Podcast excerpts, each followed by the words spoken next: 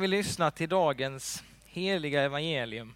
Så här skriver evangelisten Matteus sitt sextonde kapitel.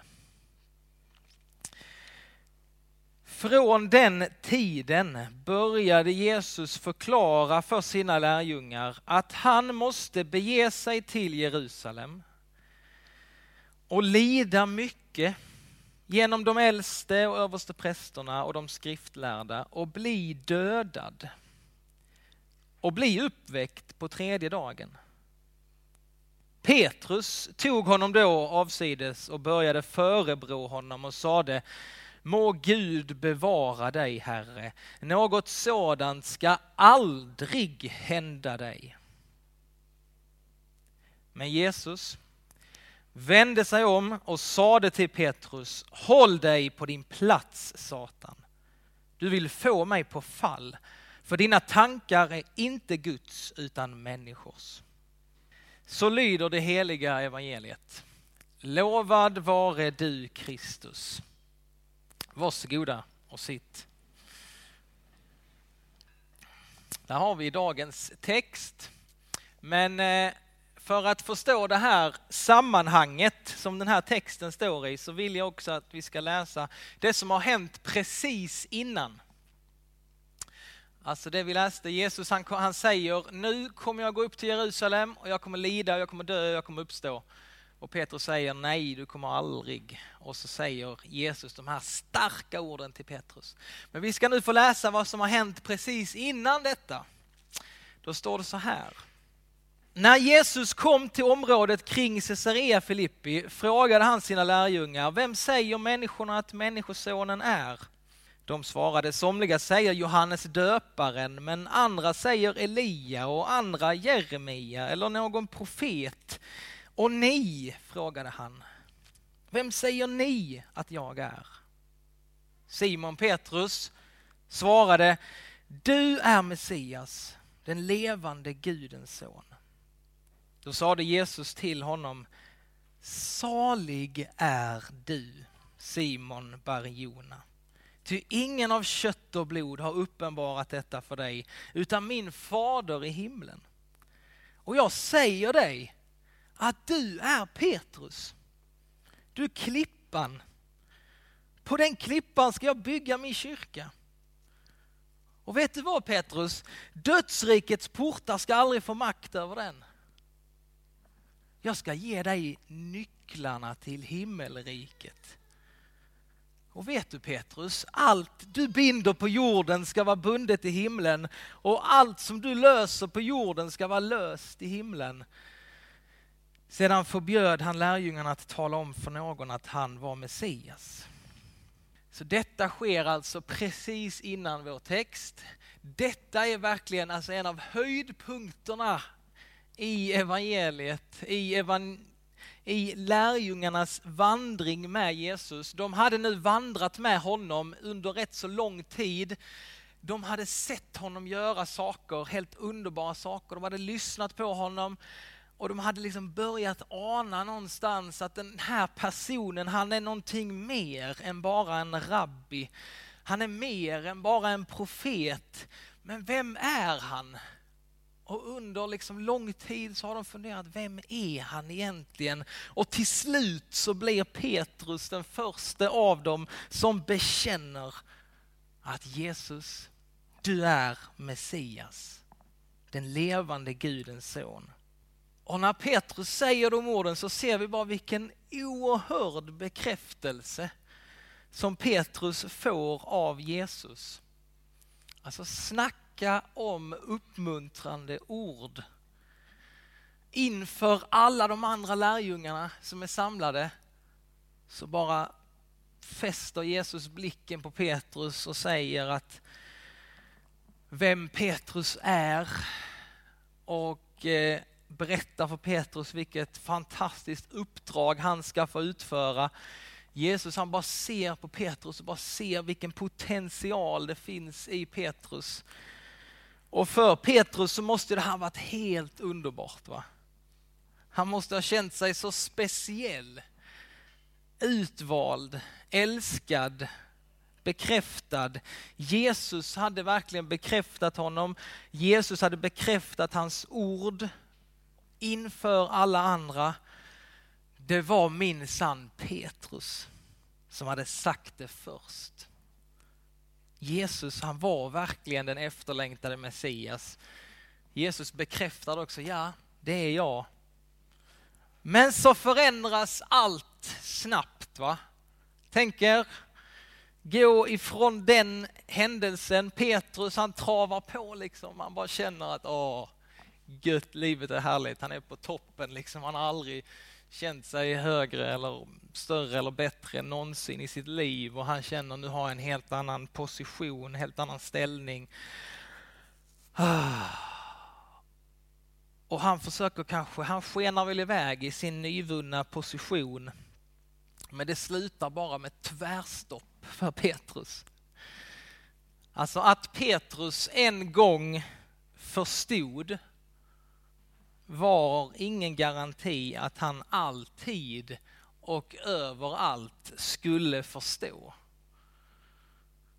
Att Petrus en gång var den som verkligen satte pricken över i och förstod, kanske före alla andra. Det, det blev, var ingen garanti att han alltid, hans tankar och hans synsätt alltid skulle vara det rätta och det riktiga. Petrus han var verkligen här uppe men snabbt och utan pardon så togs han ner från den här pilestalen som Jesus hade satt honom på. Och så använder Jesus de mest skarpaste av ord vi kan tänka oss. När han säger till Petrus, håll dig på din plats Satan. Du vill få mig på fall. För dina tankar är inte Guds utan människors. Detta måste ha varit oerhört eh, förödmjukande för Petrus. Återigen, inför alla andra, så säger Jesus de här orden till honom. Han blir så skarpt tillrättavisad av Jesus. Bara för en liten stund sedan så hade Jesus sagt att dina ord, det är inte dina egna Petrus. De är inspirerade av Guds ande. Det var min fader i himmelen som inspirerade dig till de här orden. Och sen bara rätt snabbt så säger Jesus de här orden Petrus. Det är är inspirerat av den onde. Petrus han måste ju ha varit lite förvirrad i den här situationen. Men vad är det som händer? Vad gör Petrus? Jo, men han tar ju emot tillrättavisningen utan protest, utan att knysta. Alltså han lämnar ju inte lärjungaskaran i vredesmod och förklarar att han aldrig mer vill ha med Jesus att göra efter den här, liksom, han har blivit utskämd på det här sättet. Petrus han stannar kvar. Han tog emot tillrättavisningen och jag tror att han lärde sig någonting oerhört viktigt den här gången. Han förstod att det som han hade varit, det som han ville, han liksom, det han menade, det var säkert bara några välvilligt råd till Jesus. Det var kanske en kärleksfull omtanke, men i sig själv, i sig själv så var detta en fruktansvärd frestelse för Jesus. För det som Petrus hade föreslagit till Jesus, att du ska inte dö, du ska inte lida. Det som han hade föreslagit var ju inget mindre än att Jesus skulle överge den väg som Fadern hade utstakat för honom. Alltså Jesus hade kommit hit till världen för denna anledning. Att dö och uppstå. Lida, dö och uppstå och genom det försona världens synd och skuld. Det fanns liksom ingen annan väg än den som ledde till Jerusalem och till döden på korset. Och i den här välmenade, kärleksfulla lärjungen då Petrus som säger till Jesus, nej men du behöver inte detta, så hör Jesus frestaren själv frestaren, han som Paulus senare sig skriver om. Han förklarar att frestaren kan omskapa sig till en ljusets ängel för att förleda oss. Jesus hör frestarens ord och därför reagerar han på det här sättet. Och vi kan fråga, överreagerade Jesus? Var han lite trött just då kanske? Det hade varit lite mycket. Lite mänsklig svaghet som lyste igenom. Han behövde väl inte reagera på det sättet. Jo, jag tror han behövde det. För just det Petrus sa var ju det viktigaste för Jesus. Alltså här stod allt på spel. Skulle djävulen genom vännen Petrus ord få honom på fall? Eller skulle han vara trogen sin kallelse i världen? Men Jesus avslöjar frestaren och han viker inte ifrån sin väg. Utan han fortsatte för din och min skull på vägen till Jerusalem. Han visste att han skulle få lida mycket. Han visste att vandringen skulle sluta med hans död på korset. Men han såg också vidare. Det var så han skulle besegra synden, döden och djävulen själv. För han skulle uppstå på tredje dagen. Så skulle mänskligheten befrias ur dödens våld. Allt stod på spel. Därför reagerar Jesus som han gör. Och en annan sak som är intressant i de här texterna som vi har läst idag, det är ju att lärjungarna har ju precis börjat förstå vem Jesus är. Som jag sa så är de ju lite, nu, nu de pikar lite här och de förstår att detta är, detta är Messias. Alltså, alltså de, den person som det judiska folket har längtat och bett om under flera hundratals år. Och det börjar gå upp för dem att detta är Messias. Va? De börjar, detta är vår nye kung. Han som ska befria Israel. Och det självklara för lärjungarna, det var ju att ja, men nu ska vi gå mot Jerusalem. Nu när vi vet detta, ja men då ska vi gå till Jerusalem. Vi samlar på oss så många anhängare som möjligt. Vi ber om Guds kraft och vid rätt tillfälle så intar vi templet med våld och så sätter vi Jesus på tronen. För det är där han ska vara. Det är väl så att Jesus ska bli upphöjd. Det är så Guds rike ska komma. Men det är ju inte så Jesus säger, utan direkt nu, nu har, han börjat, nu har de börjat förstå att han är verkligen Messias. Och det Jesus säger till dem då direkt efter, det är att nu ska jag gå till Jerusalem, det är helt riktigt. Men jag ska gå dit för att bli torterad och dödad. Va? Ja, vi ska gå till Jerusalem. Ja, Guds rike ska komma. Ja, Ja, jag ska bli upphöjd. Men jag ska bli upphöjd på ett kors. Jag ska konfrontera makthavarna i Jerusalem. Men det kommer verka som att de vinner. Det kommer verka som att jag förlorar. Men jag kommer uppstå, säger han också ju. Men detta är så främmande för lärjungarna att någon ska uppstå så det är långt efter hans död och uppståndelse som de kommer ihåg hans ord. Och det som är tydligt här för Petrus då, för lärjungarna, det är att Gud tänker annorlunda än dem i så mycket. Guds rike är annorlunda.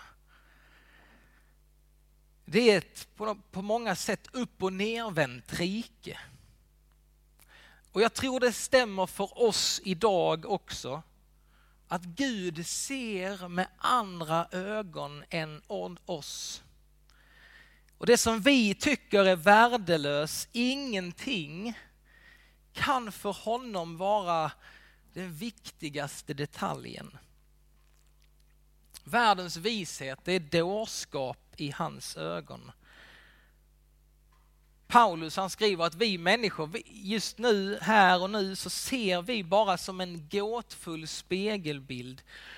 Men till slut, en dag, då ska vi få se på det sättet som Gud gör. Så allt det här, vad är det för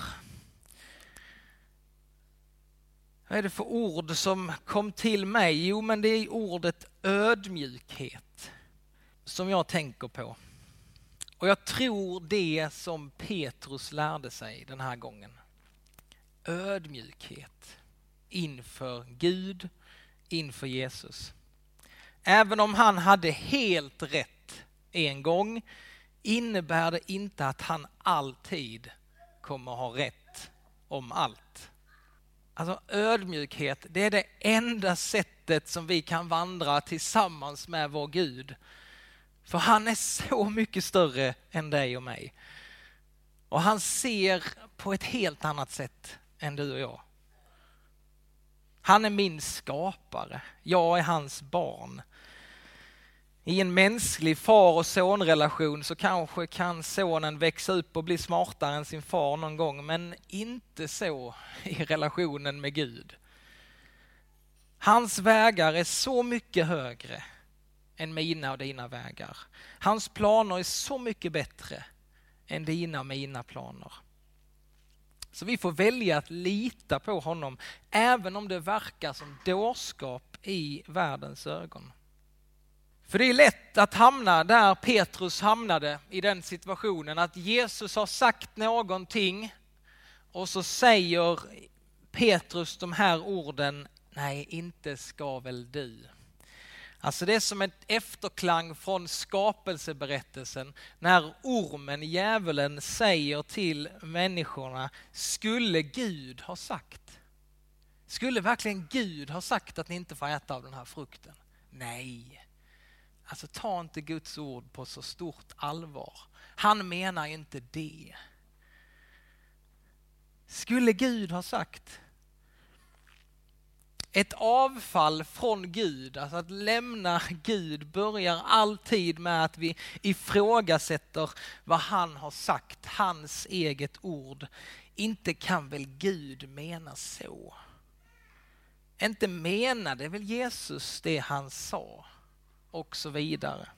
Och det märkliga här är ju att detta hör man ju bara sägas enbart de gångerna Jesus talar om det onda, när han talar om vår synd och skuld eller olika moraliska frågor. Det är ju ingen som tillrättalägger hans ord när han talar om nåden och kärleken, förlåtelsen och att var och en som tror på honom ska ärva evigt liv.